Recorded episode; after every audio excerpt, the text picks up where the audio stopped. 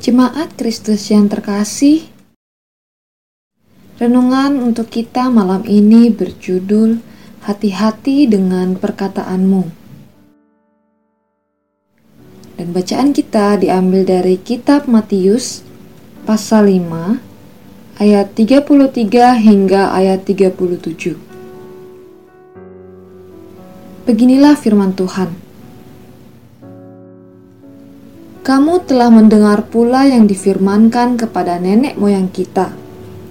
Jangan bersumpah palsu, melainkan peganglah sumpahmu di depan Tuhan. Tetapi aku berkata kepadamu, janganlah sekali-kali bersumpah, baik demi langit, karena langit adalah tahta Allah, maupun demi bumi, karena bumi adalah tumpuan kakinya, ataupun demi Yerusalem, karena Yerusalem adalah kota raja besar Janganlah juga engkau bersumpah demi kepalamu, karena engkau tidak berkuasa memutihkan atau menghitamkan sehelai rambut pun. Jika iya, hendaklah kamu katakan iya. Jika tidak, hendaklah kamu katakan tidak. Apa yang lebih daripada itu berasal dari si jahat. Ada dua bentuk dosa yang paling sering kita lakukan, namun tak kita sadari yaitu pertama dari pikiran negatif kita dan selanjutnya dari perkataan kita. Perkataan ini lebih berbahaya karena apa yang sudah diucapkan tak akan pernah bisa ditarik lagi. Dan apa yang sudah kita nyatakan tak akan pernah bisa kita revisi lagi.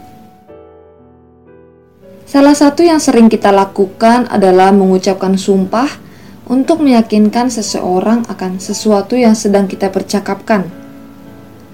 Biasanya sumpah dipakai untuk menunjukkan bahwa kita serius dan apa yang kita katakan mengandung kebenaran.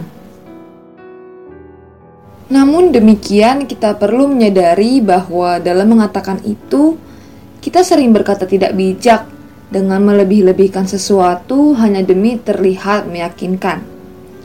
Karena hal inilah kita tanpa sadar juga berbohong, dan mungkin saja kita menutupi beberapa fakta kepada seseorang. Selain itu, sumpah juga mengandung konsekuensi. Bila kita tidak berhasil menjaga dan menjaminnya menjadi kebenaran, maka kita merugikan baik diri sendiri maupun orang lain. Kalau kita renungkan, Sebenarnya tak perlu bersumpah untuk mengatakan sesuatu. Cukup dengan menunjukkan semua fakta dan kebenaran tanpa memberikan bumbu agar lebih meyakinkan. Selain itu, daripada bersumpah, lebih baik kita berjanji. Karena dengan demikian kita juga dituntut untuk mempertanggungjawabkan segala sesuatu yang sudah kita katakan. Dan hal yang paling mendasar dari itu semua adalah kejujuran. Tanpa semua hal itu akan mustahil.